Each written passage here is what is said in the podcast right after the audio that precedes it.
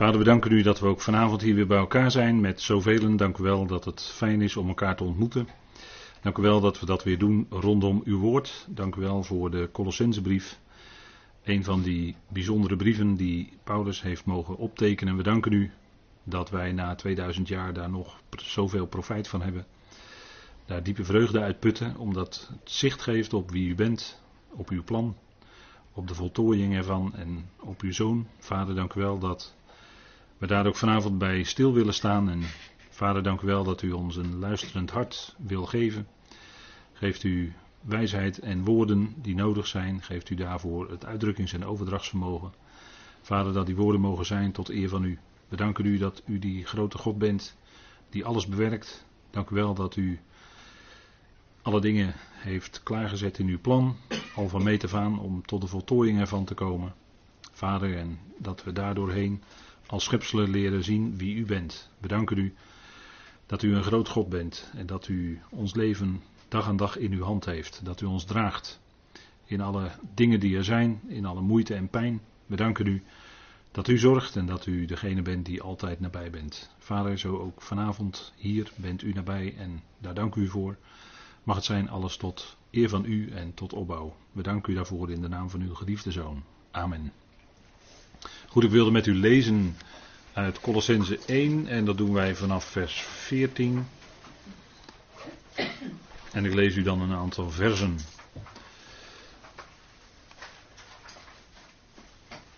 Vanaf vers 13. Vanaf vers 13.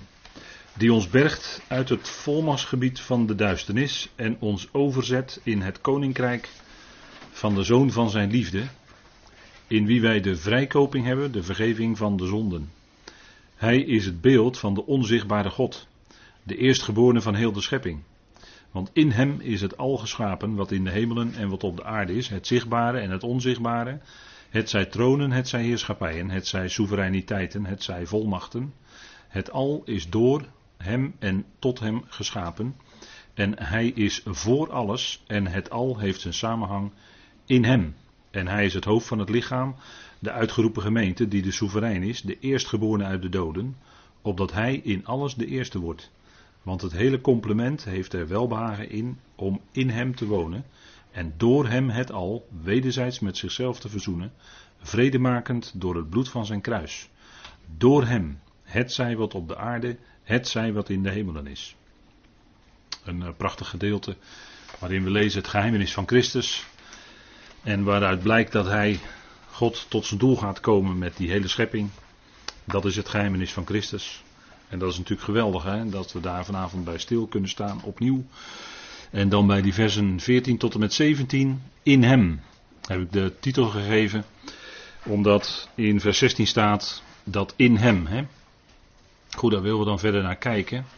En het punt is dat wat hier door Paulus naar voren gebracht wordt, als een van de eerste opmerkingen over de zoon van zijn liefde, waarmee we begonnen in vers 13. En dat in hem slaat ook terug op die zoon van zijn liefde. En de eerste opmerking is dat wij de vrijkoping hebben, de vergeving van de zonde. Maar dat is eigenlijk, zou je misschien kunnen zeggen, een tussenzin. En de hoofdzin gaat dan verder met: Hij is het beeld van de onzichtbare God. Dat is de zoon van zijn liefde. En het punt is dat niemand heeft ooit God gezien. Niemand heeft ooit God gezien. En God heeft zijn zoon ingezet, om het zo maar te zeggen, om zich aan zijn schepping te kunnen openbaren. Niemand heeft ooit God gezien. Dat staat in Johannes 1. Zullen we het even met elkaar opzoeken? Johannes 1, vers 18 vinden we dat. Johannes 1 is ook zo'n fundamenteel hoofdstuk.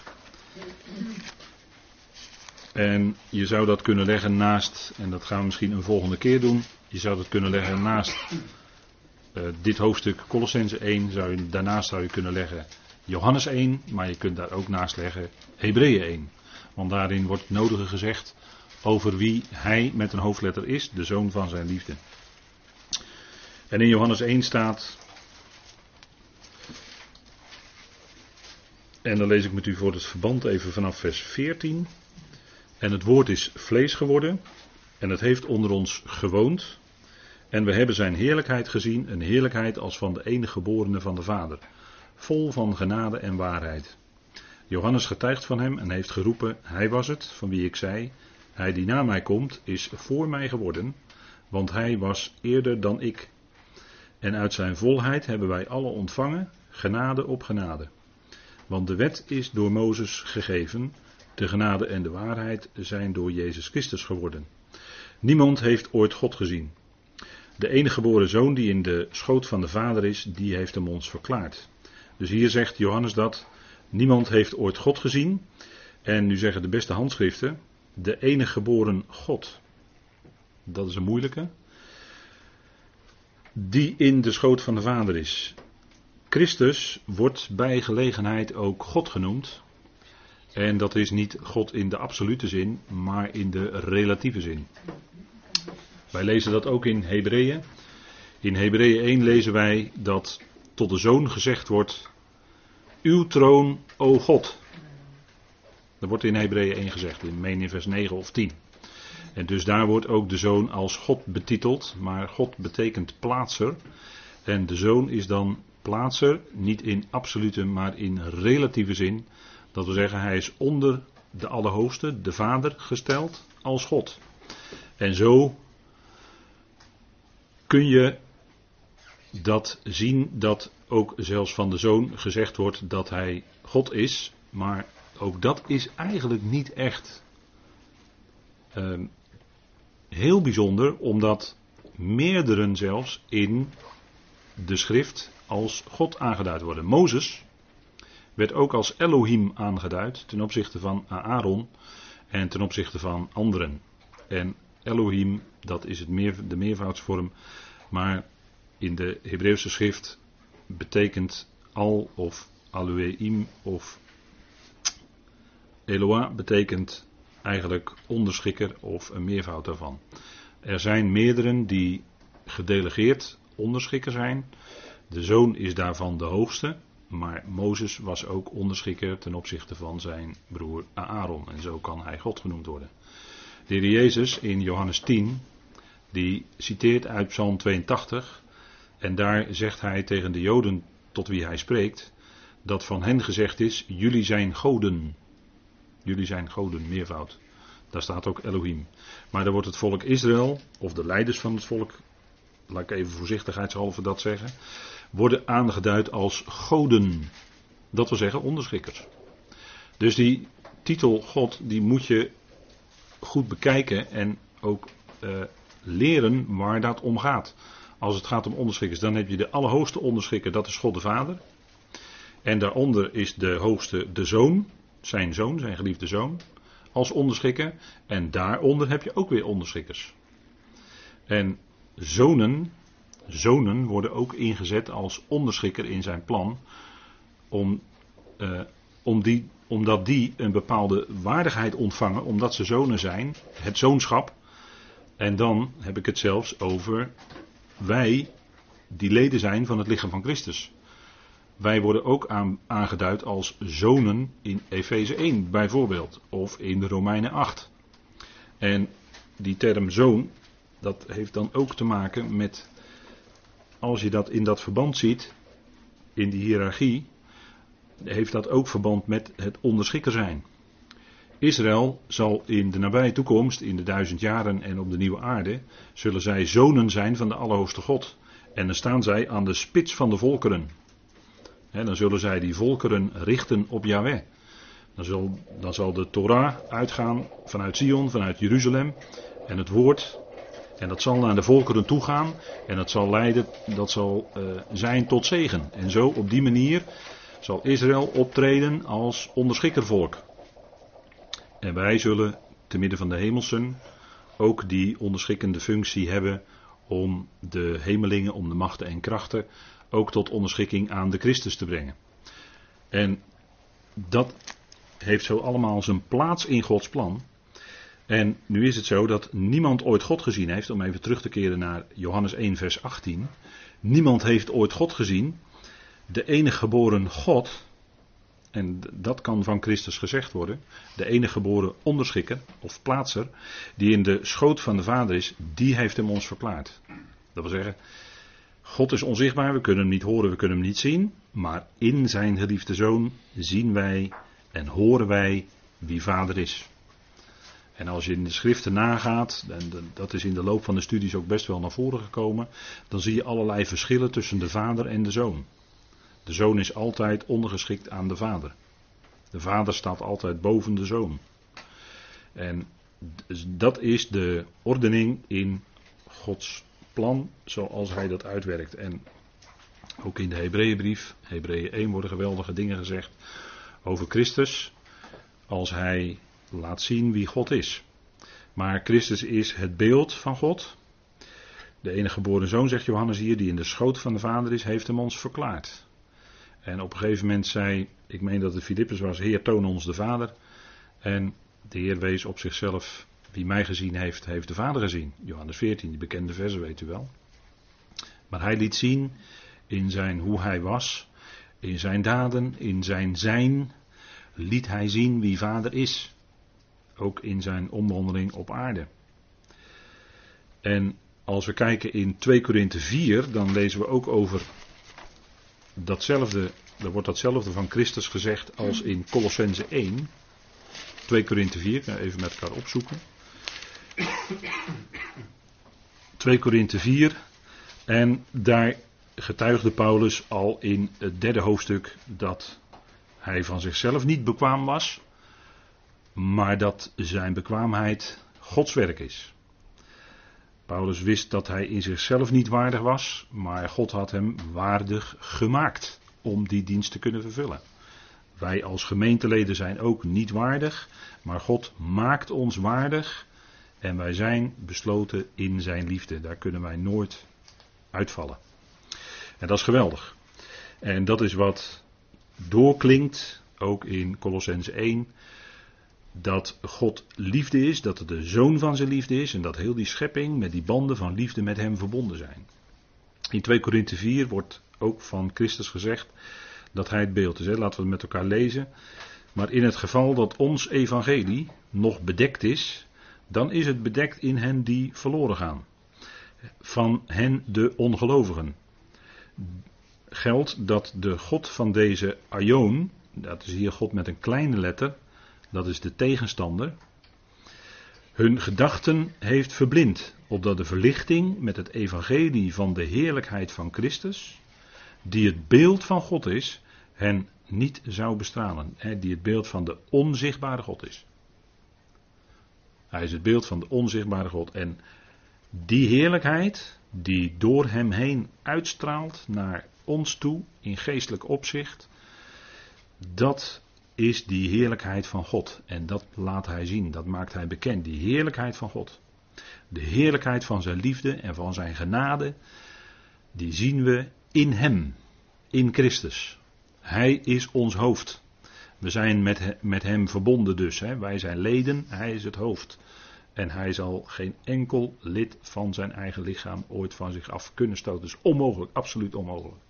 Kan niet. Kan niet. Al die leden zijn waardige leden van zijn lichaam. Geldt voor u, geldt voor mij, geldt voor al die leden die in al die tijd vanaf de roeping van Paulus geroepen werden. We zijn door hem waardig geacht om lid te zijn en door hem, hè, door God in feite al uitgekozen in Christus voor de nederwerping van de wereld. En dat zijn zaken die we steeds weer onderstrepen, opdat u het zich weer in herinnering brengt. Hoe geweldig uw plaats is, hoe geweldig uw positie is en hoe dankbaar we daarvoor kunnen zijn. Paulus wijst niet voor niks in zijn brieven steeds weer op het punt van de dankbaarheid. En we kijken zo snel naar wat we niet hebben, maar als we kijken naar wat we wel hebben mogen ontvangen, dan vloeit ons hart over van dankzegging. Wat we zo rijk zijn we in Hem geworden. Rijk geworden in Hem. En dat is veel meer dan wat, ooit, wat je aan, ooit aan schatten hier op aarde zou kunnen verzamelen. Dat, dat valt ver in het niet bij wie Hij is. hij is het beeld van God. De heerlijkheid van Christus. Dat evangelie mocht Paulus brengen. En zo mogen wij hem kennen. In zijn verheerlijkte plaats, in zijn verheerlijkte positie. Paulus die, die zet op een gegeven moment ook een snijpunt in het volgende hoofdstuk. Dat wij kennen de Christus hè, zoals wij, zoal, als wij hem al gekend hebben naar het vlees. En dat is een geweldige lijn. Dat dan is hij de koning. Dan stamt hij van David af. Dan is hij de zoon van David. Dat is een geweldige lijn. Maar Paulus gaat toch verder. Hij zegt.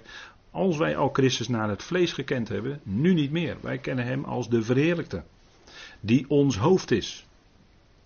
En die gesteld is tot hoofd van het hele universum. van het hele al. Hoe moet ik het zeggen? Ik kan misschien beter zeggen het al. Want universum is misschien ook een klein beetje filosofisch begrip. Maar hij is gesteld tot hoofd van het al. in principe is alles al onder zijn voeten gesteld. Alleen wij zien nu nog niet dat hem alles ondergeschikt is. Als we om ons heen kijken in deze wereld. Maar wij zien Jezus, zegt de Hebreeën schrijver ook, met eer en heerlijkheid gekroond. Wij zien hem nu in die verheerlijkte positie. Daar is ons oog op gericht. En daaruit leven wij terwijl we hier gewoon met onze voetjes nog op de aarde staan en wandelen. En dat is een geweldige hoge plaats die hij heeft.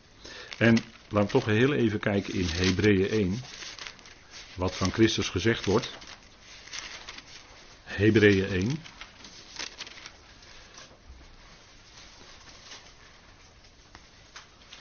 Dat zijn toch die facetten die ook aansluiten bij Colossense 1. Alleen Colossense 1 gaat nog verder.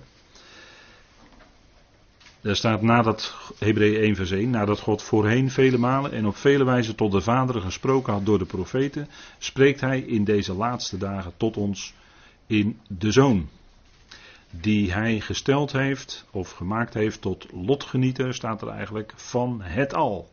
Hij is de lotgenieter van het al. God heeft aan hem, zou je kunnen zeggen, het al toegeloot. Dat is alles. Dat omvat, al die, dat omvat die hele schepping, alles. Dat, dat blijkt ook duidelijk uit Colossense. Door wie hij ook, en dan, is, uh, dan staat er niet, zoals in mijn herziene statenvertaling, uh, onterecht helaas is vertaald, de wereld. Maar daar staat door wie hij ook de eonen maakt. Dat is een feit.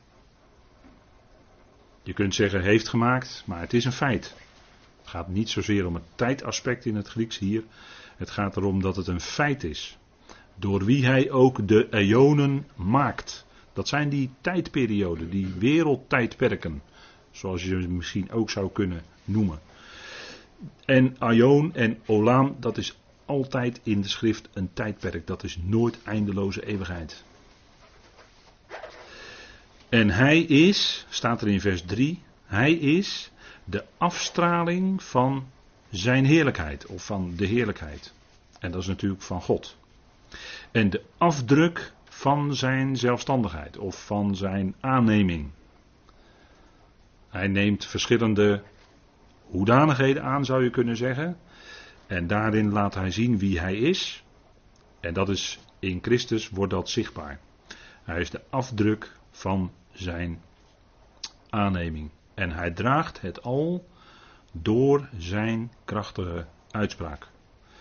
En hij heeft, nadat hij de zonden, na een reiniging van zonden, door zichzelf tot stand te hebben gebracht, heeft hij zich gezet aan de rechterhand van de majesteit in de hoogste hemelen. Dus ook hier lezen wij die verheerlijkte positie van Christus aan de rechterhand of aan de rechterkant van God, van de majesteit wordt hier aangeduid.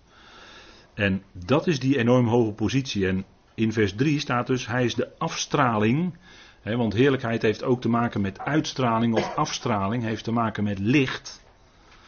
Hij straalt af wie God is. En God is licht en in God is in het geheel geen duisternis. En dat straalt hij af. En hij straalt af die liefde van God. En dat leven. En hij draagt het al. En in Colossense 1 wordt een soortgelijke opmerking gemaakt. Hè? Dat het al heeft zijn samenhang. Zijn samenhang in hem, staat het dan in Colossense 1. Nou, dat, is, hè, dat zijn dingen die liggen heel dicht tegen elkaar aan. Het al heeft zijn samenhang in hem. Hij draagt het al door het woord van zijn kracht. Dat wil zeggen, dat, dat al, die hele schepping, die wordt samengehouden, die explodeert niet, die implodeert niet. Nee, dat komt omdat hij dat in stand houdt. Hij draagt dat door zijn kracht. En dan ziet u wat voor een geweldige hoge plaats de Zoon van God heeft. Hij is de afstraling van Gods heerlijkheid. Al wat maar aan heerlijkheid van God afkomt, dat zien wij in en door Hem. Dat is, dat is Hij. En dat is die hoge plaats die we ook in Colossense terugvinden. Hij is het beeld van de onzichtbare God. God wilde zich bekendmaken aan zijn schepping. En Yahweh, Yahweh is de onzichtbare. Joodse geleerden die zeggen dan, eh, die noemen dat dan de Ein Sof. Dat wil zeggen, hij die zonder limiet, hij die zonder beperking is. Die onzichtbaar is, die we niet kunnen kennen. Maar is wel bekendgemaakt onder de naam Yahweh. En zij vinden dan die naam te heilig om uit te spreken. Goed, dat is hun standpunt. Yahweh is de onzichtbare, dat is ik ben. En als wij in de Tenach lezen dat profeten en zieners bij gelegenheid Yahweh zagen, dan zagen zij zijn zoon in zijn heerlijkheid voordat hij mens werd. Ze zagen hem in zijn heerlijkheid voordat hij mens. Dus zij konden Yahweh, de Allerhoogste God, konden zij niet zien, maar zodra er staat dat zij Yahweh zagen, dan zien zij de zoon. En als zij Yahweh hoorden, dan hoorden zij boodschappers of zij hoorden Christus. dat is hoe God zich dan bekend maakt. Door middel van. Door middel van boodschappers. En door middel van de boodschapper met een hoofdletter bij uitstek. De Heer Jezus Christus. die wordt bij gelegenheid ook aangeduid in Tenach als de boodschapper. En God is geest. En als zodanig kunnen we hem niet zien. Dat zegt Johannes 4, vers 24. God is geest, maar dat woord zijn staat daar niet in Johannes 4, vers 24. Daarom is dat letterlijk waar. God geest staat er eigenlijk. En degenen die hem aanbidden, zouden hem aanbidden in geest en in waarheid. En als zodanig kunnen we hem niet horen, kunnen we hem niet zien. Hij maakt zich bekend en hoorbaar door de zoon.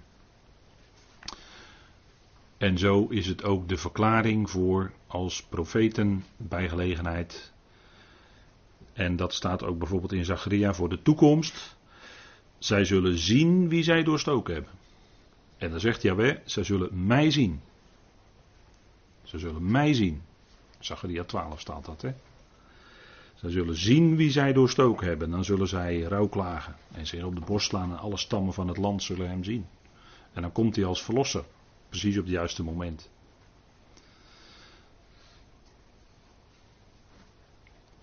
de onzichtbare God. Als we spreken even over voordat hij mens werd, voordat Christus mens werd, was hij tevoren, dat hebben we met Filippenzen ook wel best uitgebreid besproken in de studies Filippenzen, dat Christus Jezus was, zoals het in 2 vers 6 staat, was tevoren in de vorm van God. En heeft het aan God gelijk zijn geen roven geacht. En dat, dat zorgt bij heel veel mensen voor verwarring omdat ze daar bepaalde gedachten aan ophangen. Maar als je dat gaat nazoeken in de schrift, en we hebben dat toen ook gezien, dat vorm van God duidt eigenlijk op de buitenkant. Hoe God naar buiten toe dan bij gelegenheid te zien was. Hij was in de vorm van God. Dat wil zeggen, hij was niet zelf de Allerhoogste. Nee, hij was in de vorm van God. Hij maakte God juist bekend. En heeft het aan God gelijk zijn geen rover geacht. Hij was aan God gelijk. Dat wil zeggen, hij was niet. En dat betekent dat hij niet zelf de Allerhoogste was. Nee, hij was aan God gelijk in die zin dat hij God mocht representeren naar de schepselen toe. In die zin was hij aan God gelijk, maar dat betekent nog niet dat hij identiek was met de Allerhoogste. En dat, zegt Filippenzen, dat heeft hij geen roven geacht. Dus daarin, in die positie, achter Christus hetgeen dat hij van niets van God roofde. Integendeel, hij maakte juist die heerlijkheid van God bekend aan de profeten. Zie het visioen van Ezekiel, zie Jezaja 6. Ezekiel 1, Ezekiel 10, Jezaja 6, daar zien de profeten bijzondere dingen. En daar zien ze ook dan op een gegeven moment de gestalte. En die lijkt op een mens. Hè. Let erop dat er steeds staat als van een mens. En hij lijkt op een mens. Want hij was toen nog geen mens. Maar naar dat eerdere beeld is hij wel later mens geworden. Dus hij was toen, hij was tevoren, hè, dat was voordat hij mens werd. Dat was zijn heerlijkheid. Nou, die zoon van zijn liefde, dat is een prachtige uitdrukking. En die komt maar één keer in de schrift voor. En we lezen natuurlijk ook over zijn geliefde zoon. Deze is mijn zoon, de geliefde, werd bij zijn doop in de Jordaan gezegd. Werd bij de verheerlijking op de berg gezegd. Deze is mijn geliefde zoon. Hoort naar hem. En dan klonk er een stem uit de hemel. En er werd gewezen op hem. En de zoon van zijn liefde, en wat daar dan vervolgens allemaal in Colossense van gezegd wordt, dat is heel mooi, want dat betekent dat het accent ligt dan ook op die liefde. Hè? De vader en de zoon, daar zit een enorme nauwe liefdesband tussen. Daar kan niemand tussen komen. En het punt is dat God, die van meet aan dat plan ontwierp, die wilde gekend en geliefd worden. Dat is zijn motivatie. Dat is de motivatie van God achter het feit dat hij alles schiep. En uiteindelijk, hè, na verloop van tijd, ook alles met zich verzoent. Hè, in Colossense is een prachtig gedeelte, want uh, het al wat dus in de zoon is geschapen, datzelfde al, dat wordt ook door die zoon met God verzoend. Dat is via de weg van het kruis. Een hele diepe weg, een hele diepe vernedering. Schande, lijden, pijn, dat, dat kunnen wij nooit peilen hoe diep dat gegaan is. Vader en de zoon hebben allebei geleden op Golgotha. omdat daar, daar, altijd was daar die nauwe, is daar die nauwe liefdesband tussen de vader en de zoon. En het motief achter dat alles was liefde. Vandaar dat Paulus hem hier kon aanduiden als de zoon van zijn liefde. dat is toch een bijzondere, dat is eigenlijk een Hebreeuwse manier, een Oosterse manier van spreken. Dat hebben we gezien.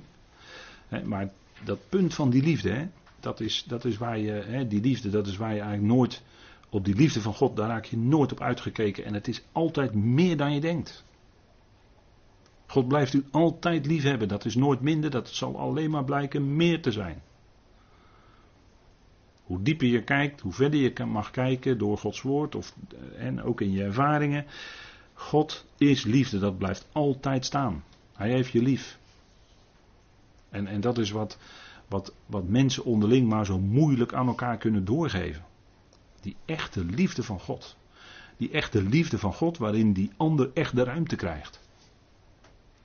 En, en, en het is zo snel dat de ene mens de andere mens klem zet. En elkaar klem zetten is geen liefde. Maar God stelt je in zijn ruimte. En hij heeft je altijd lief. En daarom was het ook zo wonderlijk als, als je ziet hoe de Heer Jezus met mensen omging, hoe, hoe Paulus met mensen omging. Dan is het wonderlijk als je ziet hoe die liefde dan functioneert.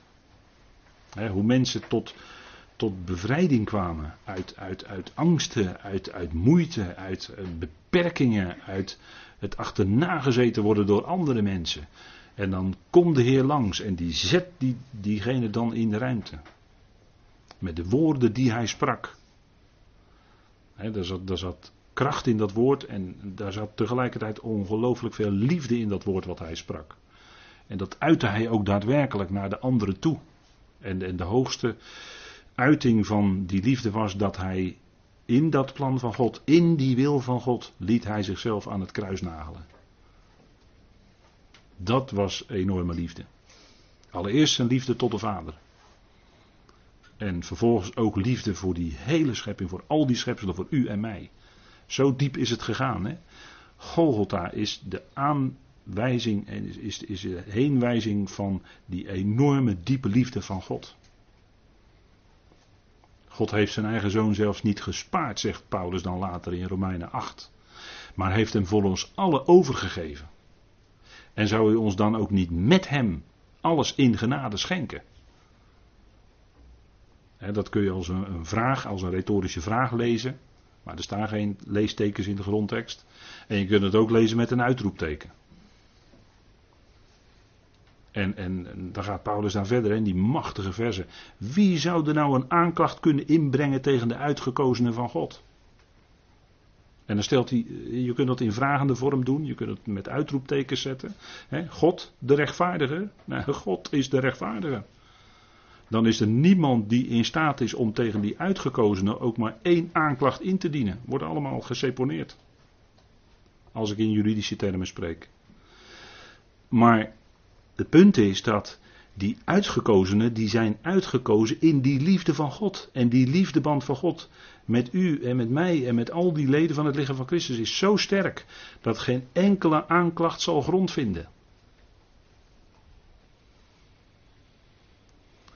en niemand in dat hele al is in staat om ook maar iets tegen ons als gerechtvaardigden, als verzoenden te kunnen inbrengen. Dat is ongelooflijk hoor, wat daar staat. En hij die de Christus is, is de zoon en hij is de eerste. Hij is de eerstgeborene onder vele broeders. En denk erom dat hij al die broeders en zusters op het oog heeft. In zijn oneindige liefde. Nou, God wil gekend en geliefd worden. Hij, wil, hij doet die liefde uitgaan en hij wil daar respons op. Dat de ander die liefde gaan beantwoorden. En hij zal net zo lang doorgaan totdat hij van allen dat antwoord krijgt. Uit, uit harten die dat vrijwillig doen. Die dat van harte doen. dat, dat, dat is geweldig als, als al die knieën gaan buigen voor die liefde van God. Als al die harten van harte gaan beleiden dat Jezus Heer is. Dat is, dat is gewekt door die liefde van God in het hart. Niet door, een, niet door een voet op de nek, wel nee. Dat is gewekt door die liefde van God in het hart. En zo, hè, zo wordt dat beantwoord. Nou, als je iets van die liefde gaat beseffen en, en die liefde vult je hart, dan kun je ook stap voor stap die ander die je op je weg tegenkomt, die ander die God in jouw leven naast je zet, liefhebben. En dat, was toch, dat is toch de hele samenvatting van de Torah. Daar is het toch voor bedoeld. Alleen het kan alleen door zijn geest gewerkt worden. Die samenvatting van de Torah. God liefhebben boven alles en de naaste als jezelf. Ja, dat wordt door die geest van God in ons gewerkt. Dan kun je het. Anders kun je het niet. Bleek bij Israël. Werd gelegd op het vlees en kon het niet. Ging mis. Aan alle kanten. Maar als die geest werkt, dan komt die vrucht van de geest naar voren. En dat is als eerste liefde. En daar zit eigenlijk al die andere acht facetten ook bij in. God wil gekend en geliefd worden. Dat is het, dat is de hoofdthema, dat is het hoofdthema van Colossense 1. Hè. Dat doordringt het gehele, hele geheimenis van Christus. Gods liefde en de weergaloze liefde van Christus. Hè, waar Efeze dan over spreekt. Boven alles te kennen de liefde van Christus, zegt Paulus dan in Efeze 3. Hè, dan heb je, dan heb je die, die geweldige brieven bij elkaar, hè, maar dat draait om die liefde hoor. Het draait om dat God heeft je lief. Dan zeg je, hoe is het mogelijk dat hij me lief heeft? Ja, nou dat is mogelijk. God is liefde. Hij heeft u lief. Hoe dan ook, dwars door alles heen. Maar hij houdt van je. En dat gaat nooit minder worden, dat gaat alleen maar meer worden. In jouw ervaring.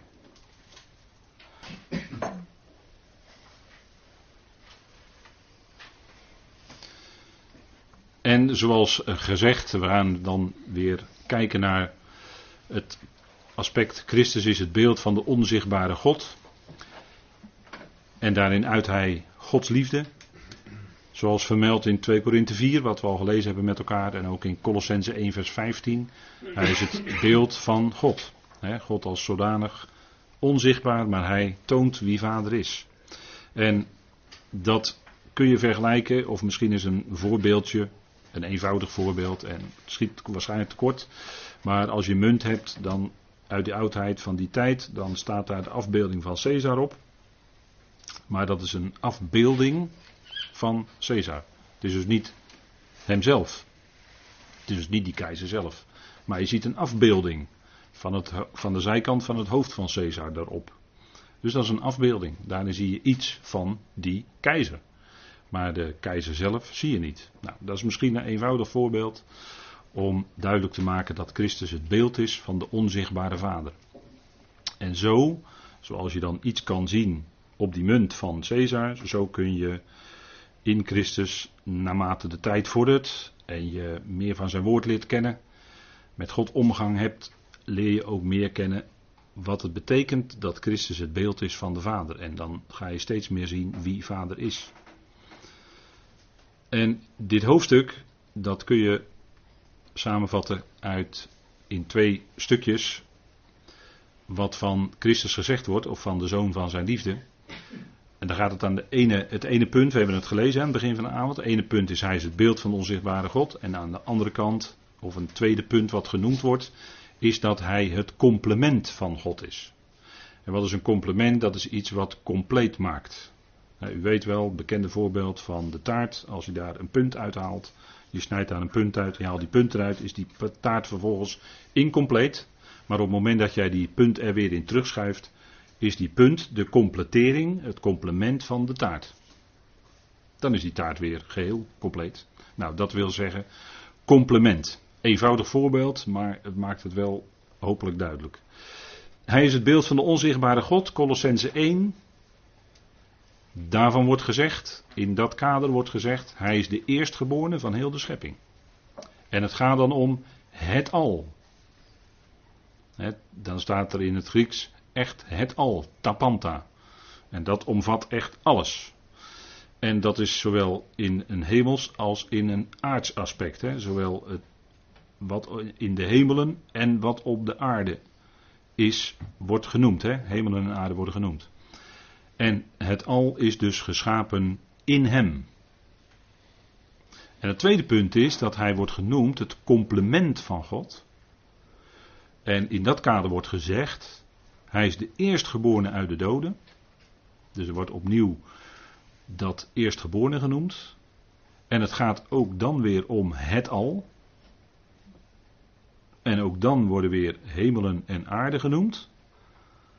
Alleen dan in de andere volgorde. Dus eerst, dan eerst de aarde en dan de hemelen. En dat al, datzelfde al dus wat in hem geschapen was, wordt door hem weder verzoend met God. Of wederzijds, zeggen we dan ook wel. Dat is een Grieks voorzetsel, apo, dat betekent letterlijk vanaf. En dat, is dan wat, dat zegt dan meer dan alleen het begrip verzoenen. Dus dan vertalen we wederverzoenen of wederzijds verzoenen. Omdat het dan om die twee kanten gaat. De schepselen met God. En in Efeze wordt het gebruikt twee groepen. Die onder, wordt het ook gebruikt als twee groepen. Daar in Efeze 2 die wederzijds met elkaar verzoend zijn in het lichaam van Christus. Vandaar dat dan ook dat woord apo, katalasso wordt gebruikt. Wederverzoend door hem. Dus door die zoon van zijn liefde. En hier vinden we dan eigenlijk een machtige samenvatting van alles wat hier in dit stuk gezegd wordt vanaf vers 13. Dat geheimenis van Christus. Dat omvat dus de schepping van alles in hem en de verzoening van alles door hem. En dat is mooi dat je in de context hier kan laten zien dat het al wederzijds verzoenen is dus de hele schepping. Want dat wordt gezegd in die eerdere versen. Het al is geschapen in hem. En datzelfde al wordt wederzijds verzoend, wordt weder verzoend met God. Dat is wat er staat. Hè? Dus dat omvat eigenlijk alles. Hè? Dat omvat die hele, al die schepselen. En dat is wat God doet. Hij verzoent het al met zich. Dat omvat alles. Dat is een, dat is een enorme. Dat is een enorme uiting. Een enorme boodschap die Paulus hier mag brengen. En daarvan is niets of niemand uitgezonderd. En, en uh, ja, natuurlijk, eh, u weet het etiket wat men graag op ons wil plakken. Maar het punt is dat we hier lezen in Colossense 1 dat God het al weder met zich verzoent. Daarvan is niets uitgezonderd. Dat omvat alles. Wat ooit geschapen is. En wat in relatie kan zijn met God. En dat betreft zowel de zichtbare als de onzichtbare. dus het betreft niet alleen de mensen, maar het omvat ook de hele geestelijke wereld.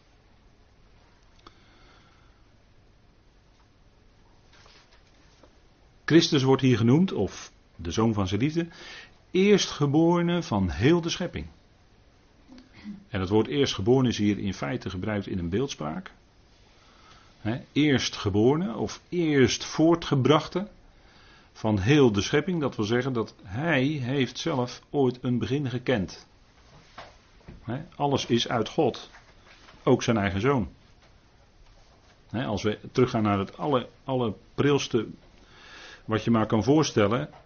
God was er, is er, moet ik dat zeggen? Dat, dat hoef je eigenlijk niet te zeggen van God, die is er altijd. En op zeker moment schept hij de zoon, en hier wordt dan het woord eerstgeborene gebruikt. Dan kun je ook zeggen, als je dat letterlijk vertaalt, hij bracht als eerste de zoon voort uit zichzelf. En dat was het begin. En daarom wordt Christus ook genoemd het begin. En ik heb het een beetje vrij vertaald uit Openbaring 3, vers 14. Hij is het begin, het origineel van Gods creativiteit, zou je kunnen zeggen. Van Gods scheppingskracht. Is hij het begin. Hij is de eerste. En hij staat daarom ook bovenaan. Hij is de eerstgeborene van heel de schepping. Dus hier wordt het woord schepping ook duidelijk in verband gebracht met hemzelf. En dat is in weerwil van wat een theologische formulering is. Daarin, he, theologie spreekt van het eeuwige zoonschap van Christus. Maar, en dan bedoelden ze eigenlijk zonder begin en zonder einde. Maar dat kan helemaal niet. En dat is, weerspreekt ook wat hier staat. Dat die uitspraak, die theologische uitspraak, wordt hier eigenlijk weerlegd. De zoon heeft wel degelijk een begin gehad. De zoon van zijn liefde. Wel degelijk. En dat staat niet alleen hier, maar ook in openbaring 3. En dan wordt het woord begin ook gebruikt. Hè? Dat is de, en dat is ook, uh, duidt het begin aan van een reeks, maar duidt ook aan de hoogste van een reeks. Uh, hij is het begin, want er wordt hier in Colossense ook in hiërarchie gesproken. En hij staat bovenaan, hè? Dat, is het, uh, dat kennen wij in, in het woord archangel. Hè? dat begint met het woord arche, en dat is het woord wat, wat, wat het woord begin is eigenlijk. Hè? Hij is het origineel. God heeft hem in den begin, in een zeker begin. Omdat voor ons, voor ons moet het duidelijk zijn dat het ergens. Wij willen graag ergens een tijdbepaling, want wij kunnen niet anders denken dan in tijd en in ruimte. Maar daar was dan als eerste de zoon. als je teruggaat naar de oorsprong. En die is uiteraard uit God, want alles is uit God. Het al is uit God. En in hem, dat is het geweldige wat dan verder gezegd wordt. En wat volgt dan? Wat volgt dan? Hij is het begin. En wat volgt dan? Nou, wat in Colossense genoemd wordt, onzichtbare machten en krachten. En ook zichtbare. Het zichtbare en het onzichtbare noemt Paulus in vers 16 onzichtbare. En dan kun je denken, als je het wil invullen aan het zichtbare, de sterren, de zon en de maan, de hemelen en de aarde, later, hè, want eerst werden de hemelse machten en krachten geschapen. En pas later de hemelen en de aarde, zoals die in Gods plan bedoeld waren. Want de, in Job staat, dat weet u wel, dat de morgensterren of de zonen van God, en dat zijn op dat moment die hemelse machten, de zonen van God juichten toen hij de hemelen en de aarde schiep. Hij staat in Job 38. Dat zijn die hoofdstukken waarin God zich aan Job verder onthult. Wie hij is. En dat Job in feite maar helemaal niets te vertellen heeft. En dat God degene is die alles van origine geschapen heeft. Zelfs de hemelen en de aarde. Daar was Job natuurlijk totaal niet bij. Maar er waren wel die zonen van God bij. Die zagen dat. En die juichten toen God het schiep. Hemel en aarde, water, om er iets te noemen. De dieren, de mens, planten, bomen, uh, de flora en de fauna zoals we die kennen. Nou, dat is allemaal door God geschapen. En dat is allemaal met een zekere structuur. Hè. God schept geen chaos, maar God schept, als God die schept, dan zit daar ordening in, daar zit daar structuur in. En later werd dat tot een chaos, Genesis 1 vers 2, maar dat had zijn oorzaak in wat gebeurde bij die hemelse machten en krachten. Daar kwam een verstoring in, doordat de tegenstander was geschapen. Rebellie. En als gevolg daarvan kwam het gericht en werd die hemelen en aarde neergeworpen. Dus de aarde is niet oorspronkelijk als een chaos geschapen. Nee, dat was een geweldige schepping met orde en structuur. En dat werd verstoord. En als gevolg van die verstoring kwam er een gericht. En daardoor kwam die chaos. Daardoor was alles onder, onder water. Hemelen en aarde stonden onder water. En daar ging God dan in herstellen. En dat lezen we in Genesis 1. Verder. maar dat is een. Daar zit dus veel meer achter. Hij heeft de hemelen en de aarde ook niet tot een chaos of tot een, eh, wat staat er dan in Jezaja, tot een tohu of een bohu geschapen. Nee, hij heeft het geschapen juist om bewoond te worden. Dus het was een geweldige schepping. En als je nu in de schepping kijkt, dan zie je overal structuren. En er wordt natuurlijk hier en daar best verstoord door toedoen van. Maar als je goed gaat kijken, dan vind je overal geweldige structuren terug. En uh, bijvoorbeeld in een, uh, in een in sneeuw zie je allemaal bepaalde kristallen. Hè? Als je sneeuw goed gaat bekijken, dan zie je allemaal geweldige kristallen. Maar het is structuur. En als je in, in goud gaat kijken naar de structuur, dan zie je een kubusstructuur. Dat is heel bijzonder. Als je goud, laat maar zeggen, eh, onder een enorme microscoop gaat leggen, dan, dan zie je die kristalstructuur van goud is een kubus. En, maar dus allemaal structuur, hè? Dus allemaal ordening, allemaal vastheid. Nou, dat, is, dat is het stempel van de schepper, van God. En, en daar waar de mens die, ja, die dat loslaat, dat, dat, hè, dat beseft dat God die schepper is, ja, dan, dan gaat die ordening, ook sociale ordening en noem alles maar op, gaat ook verdwijnen. Dat, dat, dat is 1 plus 1 is 2.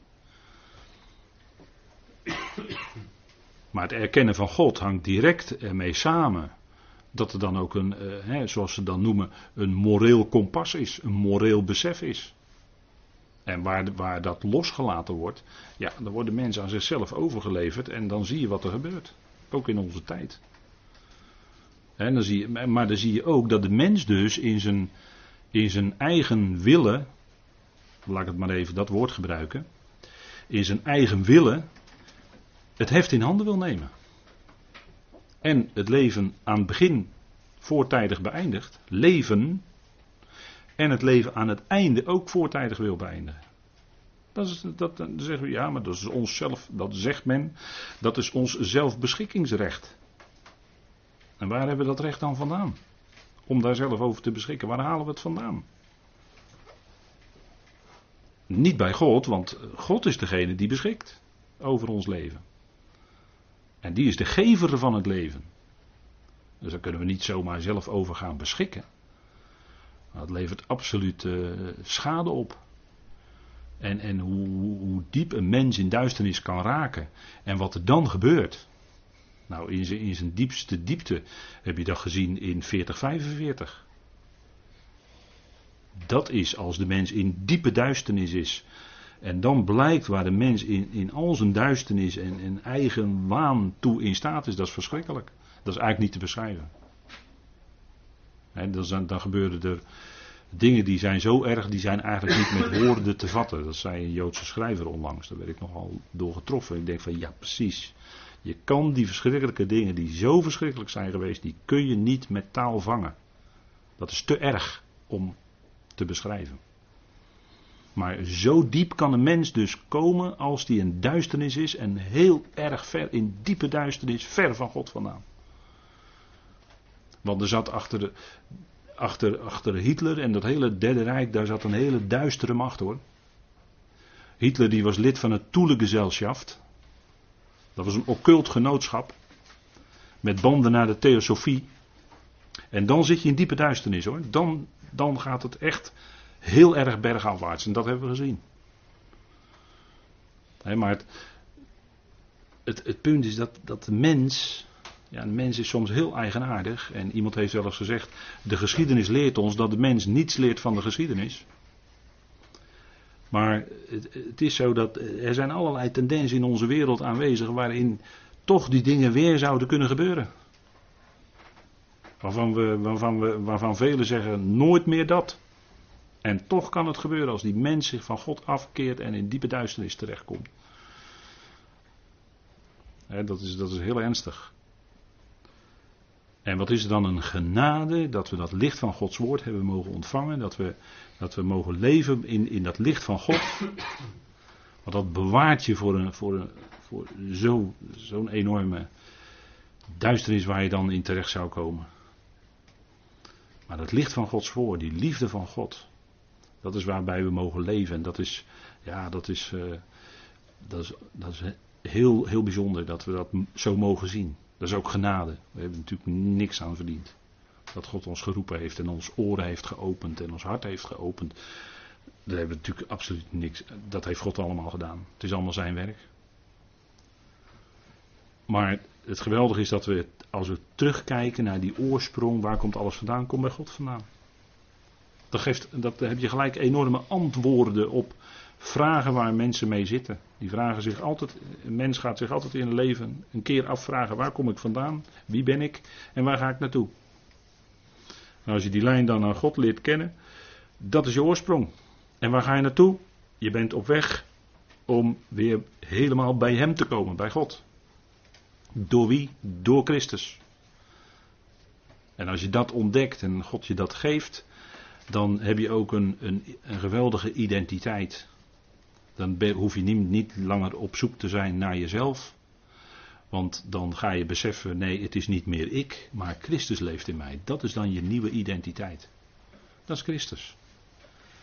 Als je dat gaat beseffen en daar, daarmee gaat leven, daaruit gaat leven, ja, dan wordt alles anders. En sowieso is ons, onze, onze blikrichting is al zo veranderd door de inwerking van Gods woord. Ja, dat is, dat is enorm, dat is geweldig en dat is alle reden om, om God voor te danken. Het al is geschapen in hem. Hoe moet je dat nou zien? Nou, u kent het bekende voorbeeld, dat heb ik al meerdere keren. De boom en de vrucht zitten in een klein zaadje. En daar komen dan die hele grote bomen, ook in, eh, in Californië daar, die Sigoya gigantea, met vruchten enzovoort, die komen uit een heel klein zaadje voort. Maar wat een gigant van een boom komt daaruit voort. En het was allemaal al vervat in dat kleine zaadje dat er in de aarde valt. En je kunt het ook misschien vergelijken met zoals de mensheid, de hele mensheid ooit in Adam was. Toen Adam en Eva geschapen waren, toen was die hele mensheid daarin besloten. En daar kwamen dus miljarden mensen uit voort. Dat is eigenlijk onvoorstelbaar hè, als je zo over nadenkt. De hele mensheid in Adam. En daaraan parallel is die hele nieuwe mensheid in de laatste Adam. Want toen hij werd opgewekt uit de doden, toen was daar in feite in, in, in, aanwezig die hele nieuwe mensheid waarvan hij het hoofd is. Nou, en zo misschien, als we dat een beetje met elkaar vergelijken, kun je misschien iets beseffen van dat in hem, in die zoon van zijn liefde, het al geschapen is. Dat is dus, die hele schepping is dus verbonden met die liefde van God. Die hele schepping is in feite een uiting van de liefde van God, zou je kunnen zeggen. En zo zijn we er niet gewend om naar te kijken. schepping en Gods liefde, dat met elkaar verbinden. Maar dat is in feite wat hier gebeurt in Colossense 1. Daarin wordt een hele duidelijke band gelegd tussen die liefde van God, de zoon van zijn liefde, en in hem is het al geschapen. Ja, dat is fantastisch, hè? Dat je als schepsel kun je ook nooit uit zijn hand vallen, dat zeggen we tegen elkaar, maar dat is gebaseerd op. Het al is geschapen in de zoon van zijn liefde. Johannes zegt het, hè? God is liefde. God is liefde. Dat is een basisgegeven voor ons. En een basisgegeven voor ons is in Romeinen 11. Het al is, en dat staat er niet letterlijk in de grondtekst, we moeten eigenlijk lezen het al, uit hem en door hem en tot hem. Romeinen 11, vers 36. Dat is ook zo'n basisgegeven uit de schrift. Hè? En koppelt die twee dingen nou aan elkaar. Alles is uit God en God is liefde. Nou, dan komt alles voort uit zijn liefde. En is dat hele plan dus vervat in die liefdevolle handen van Hem. Ja, en dan heb je zicht, hè. Dan krijg je zicht op, op hoe, de, hoe die dingen zitten in, in, in, uh, vanuit God. Dat is het bijzondere. En zo gaat, gaat je blik dan ook naar andere mensen. Je gaat ook anders kijken naar andere mensen. Dat gebeurt van binnenuit. Je kunt die ander dan van binnenuit echt lief hebben. Omdat je weet, die ander is ook kostbaar in Gods ogen. Die ander die ik tegenkom, die is ook kostbaar. Die is net zo geliefd door God zoals jij dat zelf bent. Alleen is zich dat nog niet bewust. En, en daarvan kun je misschien iets laten merken, iets doorgeven. Ik denk dat dat toch uh, bijzondere overwegingen zijn als je zo dat Colossense 1 leest. Hè? Goed, ik stel voor dat we even een moment met elkaar pauzeren, dan gaan we straks weer verder.